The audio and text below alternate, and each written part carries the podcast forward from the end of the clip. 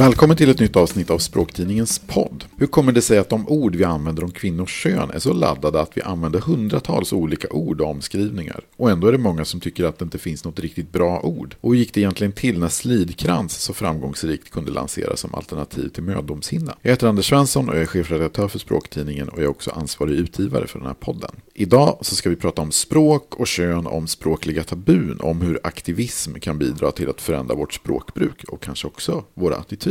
Dagens gäst hon är professor i svenska vid Södertörns högskola. Välkommen Karin Milles. Tack. För ett par år sedan så var du gäst i ett av de allra första poddavsnitten som vi gjorde. Och då pratade vi bland annat om hen och synen på könsneutralt och jämställt språk. Och nu ska vi som sagt prata om ord som mödomshinna och slidkrans. Och vi ska prata om dem både från ett språkligt men kanske också kan man säga lite så sexualpolitiskt perspektiv. Och du har ju länge intresserat dig just för ja, den här typen av feministiska, sexualpolitiska aspekter och även liksom jämställdhet i språket. Hur vaknade det intresset? Först och främst så tycker jag att det är självklart. Alltså en av de roligaste sakerna i världen är ju språk. Och en annan som är rolig är ju kön. Och så man kombinerar dem. Så jag kan ju inte förstå att inte alla tycker att det här är jättekul. Men om man ska ta liksom en personlig ingång så har det liksom, det är två episoder som gör att jag är intresserad av det här. Och den första var när jag var ganska ung. Jag var så ung så jag inte hade körkort än. Men jag hade en pojkvän och han hade körkort och han hade sin pappas bil. Och vi var ute och körde i den. Och då kom vi på att jag skulle få övningsköra. Och det här var ett villasamhälle, ganska trånga gator. Så det första som händer nästan är att jag kör in i en stolpe. Och när vi sitter där i bilen, jag sitter ju vid ratten och har kört in den här stolpen, så är det alldeles tyst. Efter en liten stund så säger han bara kuk. och då börjar jag gråta.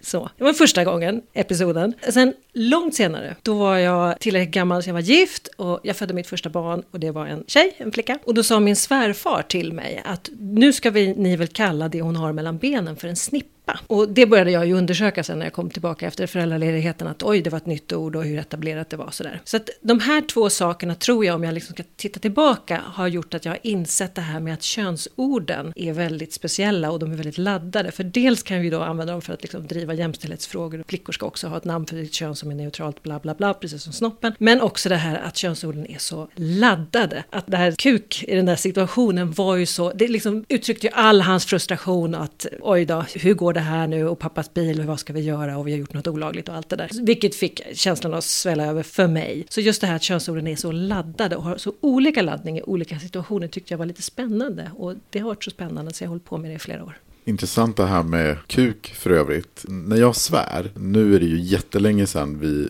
jobbade på plats på redaktionen på grund av coronapandemin. Men för inte så länge sedan ändå, så som sagt, min standardsvordom, den är fan. Tycker att det är ett bra, så här, kraftfullt ord som jag, det känns bra att kunna ta till vid behov sådär. Och så den tror jag att mina kollegor är vana att höra sådär någon gång i veckan veckan, du vet om det är något, vad vet jag, det är ett datorprogram som kraschar och något ar- liksom en halvtimmes arbete går förlorat eller någonting sånt. Men så testade jag en gång lite så här medvetet, så sa jag kuken. Och de blev jätteupprörda. Mm. Medan de höjer inte på ögonbrynen när jag säger fan. Nej. Det är de ganska vana vid då tror jag. Även om jag inte liksom svär som en borstbindare på jobbet. Så ändå det händer någon enstaka gång. Men kuken, då var det så här, äh, men vad säger du för någonting? Mm. Jag har full förståelse för. jag börjar inte gråta nu, men det skulle kunna gråta i en annan situation. Så som sagt, det här är ju verkligen spännande. Det håller jag med om. Som sagt, vi ska då prata om bland annat könsord i det här avsnittet. Och en liten brasklapp till dig som lyssnar är just att vi kommer diskutera attityder till könsord och vi kommer förstås nämna de här könsorden också. Så att om det är så att du funderar på att lyssna på det här avsnittet på väldigt hög volym och har små barn runt omkring dig, ja då är du i vilket fall som helst eh, förvarnad. Det här är ju spännande på många sätt. För något år sedan så gjorde jag ett avsnitt med Mats Landqvist, en av dina språkforskarkollegor här på Södertörn. Och vi pratade bland annat om ordet bög och om hur det har genomgått en förvandling. Att för att det inte för så länge sedan har varit så entydigt ett skällsord så kan det nu användas både i helt neutrala och även positiva sammanhang. Att det är liksom aktivister som verkligen har lyckats ta tillbaka det här ordet och ge det en annan laddning. Och det var också det vi pratade om i det här avsnittet. Men när jag väl släppte det här avsnittet så var det helt uppenbart att det var vissa amerikanska poddtjänster som inte höll med om att bög var så neutralt. För att mm. när jag skrev bög i den här lilla eh, presentationstexten som man skriver till varje avsnitt. Så svenskans BÖG hade ju då även då hos typ Apple eller vad det nu var blivit B asterisk G. Så mm. det var ju uppenbart att de inte riktigt höll med om att bög numera kunde användas ganska okontroversiellt. Så hur kommer det sig egentligen att ord då som är kopplade till sex, till sexualitet, till kön, hur kan de vara så känsliga så att de, ja, som i det här fallet, närmast är tabu? Det handlar om två saker. Dels att, att sex är ju känsligt. Det är mycket känslor inblandade, både positiva och negativa. Och då kan det ju, i, beroende på sammanhang, vara problematiskt att, att prata om dem. Och liksom, då blir ju orden laddade. Och sen så har den här moralaspekten, både när det gäller könsorden och när det gäller bög, så finns det ju massa moraliska åsikter om vad som är rätt och fel som lägger liksom sten på börda här. Så det gör ju att de här orden rätt ofta blir lite knepiga att använda i olika sammanhang. Du är ju bokaktuell på flera sätt. I våras utkom du med en biografi över Sofie Sager som du beskriver som den första riktigt bråkiga feministen i Sverige. Och så är du aktuell med texter i två stycken antologier. Den ena som heter Fittskriften ska vi återkomma till lite senare. Och så har du skrivit ett kapitel i en antologi som heter Tala om kroppen. Och där diskuterar du hur nya ord på gamla fenomen, hur de kan påverka hur vi ser på de här gamla etablerade fenomenen. Och du tar då upp nyord som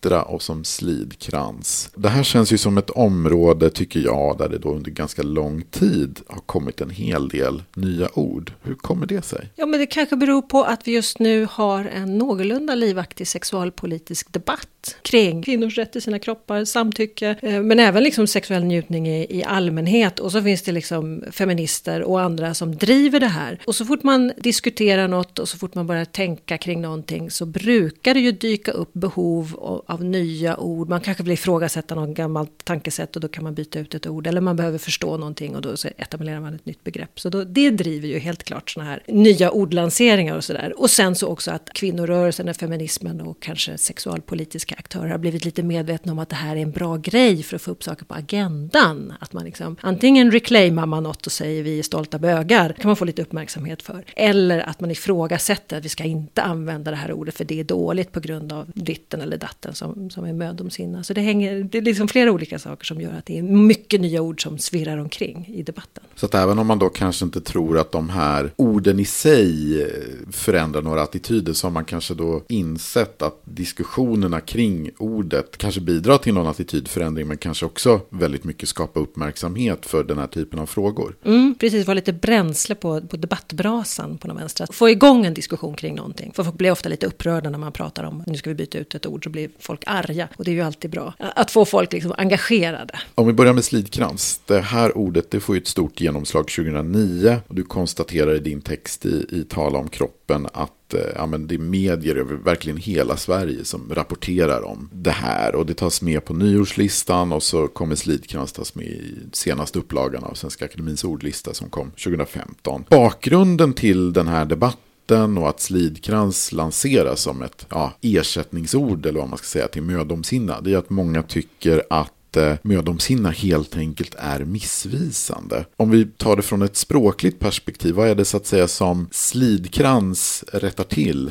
som, som gör att mödomshinna inte är ett helt lämpligt ord? Mm, slidkransen är ju liksom lite bättre, lite genomskinligare som term. När man hör det ordet så kan man liksom mycket lättare fatta vad som är biologiskt sant. Det är någonting som är i slidan och det är en krans och en krans är ju liksom en ring med ett hål i. Medan mödomshinna, dels kanske man inte förstår vad mödom är och sen det här hinna, det kan ju förstås som ett lock medan det snarare som sagt är en ring med ett hål i. Så att slidkrans funkar lite bättre att, att direkt förklara vad det här handlar om. Den här debatten, som sagt, den blir ju jättestor kring 2009. Finns det något skäl till att debatten blir så, så stor just då? Är det som att tiden är lite mogen för att vi ska ta tag i den här frågan, eller vad är det som händer? Ja, dels har man ju diskuterat det här med oskuldsnormer och hedersförtryck, för det är ju lite det det här med slidkransen handlar om. Så definitivt tiden var mogen att folk ville prata om det här. Och sen så också att, att det var RFSU som gick ut med det, de gick ut med det pressutskick och att de liksom var, var ganska smarta i sin lansering. Att de riktade sig dels brett till medierna som fångade upp det här och tyckte det var spännande. Och som sagt, det, det fick ju stor uppmärksamhet. Jag, jag, räknade efter och då såg jag att det var, det var lika stor uppmärksamhet för det här som för kronprinsessan Victorias förlovning som var samtidigt. Så det, de fick verkligen genomslag. Men också det här att, att de liksom riktade sig också då till aktörer som har möjlighet att etablera etablerade Personer som säger slitkrass ofta i sin, eller mödomsinna i, i sin verksamhet. Alltså sådana som jobbar på ungdomsmottagningar. Som sen i sin tur pratar med ungdomar. Och ungdomar är ju snabba på att fånga upp ord. Så det var väl det som gjorde, liksom många saker tillsammans som gjorde att det, att det fick något brett genomslag och blev ganska lyckat. Så att det var både en medial kampanj men man såg också till då att det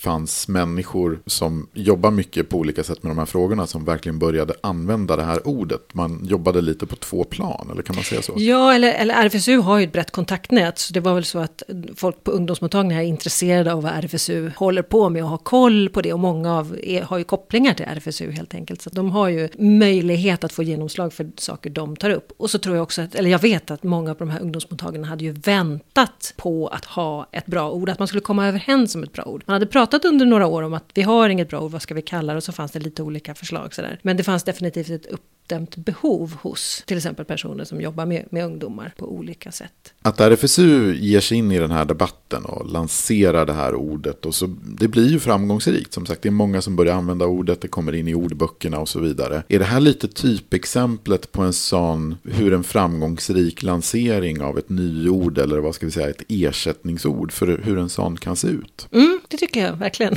De har, de har en smart mediestrategi och, och fattar liksom hur man ska få, få, få lite uppmärksamhet uppmärksamhet för olika typer av utspel. Och har också förstått det här kraften i att föreslå ett nytt ord, att det blir liksom en snackis i sig. Nu har vi ett nytt ord som folk antingen kan bli upprörda för eller glada. De flesta var ju glada över just slidkrans. Det finns ju andra exempel när folk har varit lite mer upprörda. Men de hade definitivt fattat poängen hur, hur man gör. Slidkrans har ju definitivt etablerat sig och jag vet inte om det, det är en allmän känsla men, men själv så tycker jag att nu känns ju mödomshinna i den här liksom betydelsen då, eller liksom kopplat till sex sexdebut och så, så mm. tycker jag att då känns det ordet lite föråldrat. Det här ändrade språkbruket, att de här två orden ja, men, lite har ersatt varandra eller vad man ska säga. Vad har det för betydelse i praktiken? Det är ju väldigt, väldigt svårt att liksom exakt mäta någon slags impact här på slidkransen. Men det man kan konstatera är väl att jag skulle vilja säga emot det där att de har ersatt varandra. De, slidkransen har snarare kompletterat. För det är ju väldigt bra att kunna prata om mödomshinna som en myt. Så att vi behöver ordet mödomshinna för det är ju jättemånga som fortfarande tror på den här myten och så måste man kunna prata om det. Så att de är mera syskonord, att man kan prata om det biologiska faktumet i slidkransen och så finns det myten om mödomshinnan. Och de ingår ju liksom i en större diskussion kring kring just det här kvinnans rätt till sin kropp och samtycke och alltihop. Som en liten del, men en ganska smart del, för det blir liksom lättare att föra samtal kring det när man har då både slitkransen och mödomshinnan.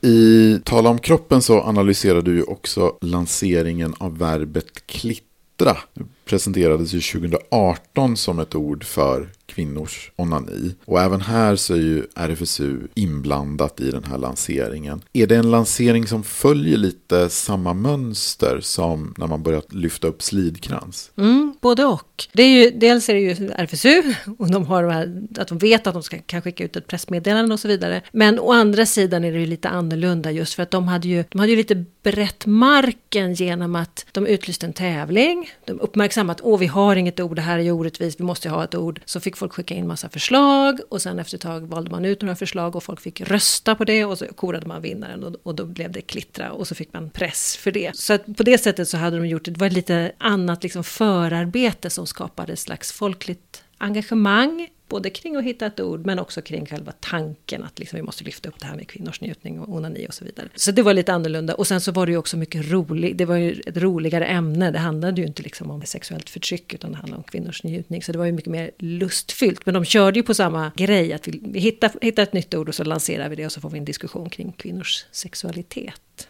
Om du får agera lite domare här, mm. vad är det som gör de här kampanjerna framgångsrika? Dels att man använder medierna och får dem att liksom initiera och skriva artiklar och få folk engagerade. Och sen kanske också, särskilt när det gäller slitkrans, att man riktar sig till, till liksom strategiska personer. I det här fallet personer som sitter och jobbar på ungdomsmottagningarna som i sin tur pratar med unga människor som ju är snabba att fånga upp ord och ska bära med sig dem in i framtiden. Lite som med snippalanseringen, att man liksom börjar på förskolan. Då kan man ju garantera att liksom nästa generation kommer att använda det här ordet. Så definitivt ett smart drag. Klittra är ju så säkert ett ord som för många för tankarna till klitoris. Tror att den ordlikheten, tror att den har någon betydelse för att det här ordet fastnar? Det blir lite genomskinligt. Absolut. Många som hör ordet och är lite inne på sex fattar väl ungefär vad det betyder. Det är den kopplingen man gör helt enkelt. Och så är det ju också, det är ju så det är konstruerat. Hon som hittade på ordet och skickade in det, Camilla Wagner, har ju sagt att hon liksom kombinerade klitoris och glitter glittra. Så att det ska vara lite, lite roligt, sådär, lite glammigt och härligt. Och så gör ett verb. Och sen också det här att det finns ju ett vanligt slangord för klitoris. De får, säger ju det och de säger klitta helt enkelt. Så det, det är självklart att den kopplingen har man velat. Det är antagligen därför det vann, tänker jag, omröstningen. Jag nämnde ju här tidigare att, att bland annat då Apples poddtjänst inte verkar vara superförtjust i ordet bög. Mm. Utan verkar tycka att det är lite kontroversiellt. Vi ska ju också i det här poddavsnittet prata om snippa och fitta fitta och det är två ord som du skriver om i en antologi som heter Fittskrift. Jag har ju sett på Facebook att den här sidan för den här boken, den heter inte Fittskrift utan Nej. den heter F-skrift. Vad säger det om hur vi ser på ordet fitta? Det säger ju att vi fortfarande inser att det är laddat och inte alltid oproblematiskt. Man kan ju tycka vad man vill om, vi valde ju just att ge det namnet till sidan för att vi inte skulle råka ut för sanktioner och bli nedtagen som sida och så vidare. Just för Facebook har ju massa olika regler för deltagande. Så det var ren strategi helt enkelt. En sak som jag tycker att jag har hört rätt mycket genom åren, det är att det i svenskan inte skulle finnas något riktigt bra ord för kvinnans kön. Mm. Som sagt, fitta har man ju hört i en massa olika sammanhang, men precis som du säger, det är definitivt laddat. Och så har det ju hållits då olika tävlingar för att hitta bra ord, och jag vet att du själv har ju samlat in ett par hundra olika ord. Men jag funderar på det här att hur kommer det sig att vi liksom, samtidigt så finns det ju då enorma mängder ord. Som sagt, du har hittat åtminstone ett par hundra, det finns säkert många hundra till som mm. du inte har snappat upp så. Hur kan det vara så samtidigt som det uppenbarligen är så att det är rätt många som tycker att inget av de här orden är riktigt bra? Hur går den ekvationen ihop? Ja, men det handlar ju om att, att sex är känsligt. Så då, då finns det massa känslor och en del känslor är bra och en del känslor är dåliga och de liksom färgar ju av sig på orden på olika sätt. Så att de flesta orden blir ju laddade på något vänster. Vilket gör att det är svårt att både hitta ett neutralt ord och behålla det ordets neutralitet. För det kommer ju liksom färg, det, olika typer av sammanhang där man använder ordet kommer göra att folk liksom kopplar på en massa laddningar. Så det är jätteknepigt. Så fort vi har att göra med tabuämnen eller känsliga ämnen så är det, liksom, det är lätt att konstatera att nästan alla tabuämnen har väldigt många ord. Vi har många omskrivningar för döden, vi har många ord, omskrivningar för just för, för sex. Det är inget märkligt att, att ord som har att göra med sex är knepiga roliga och att folk kan liksom tycka, det kan ju finnas människor som tycker att snopp är jättekonstigt, kan man inte använda. Så det, det kan ju också gälla för de manliga orden. Men det är framförallt för kvinnors eh, kön som man har liksom diskuterat att det finns inget bra neutralt ord. Ett ord som ju delvis åtminstone fick en hel del draghjälp genom en omröstning är ju snipp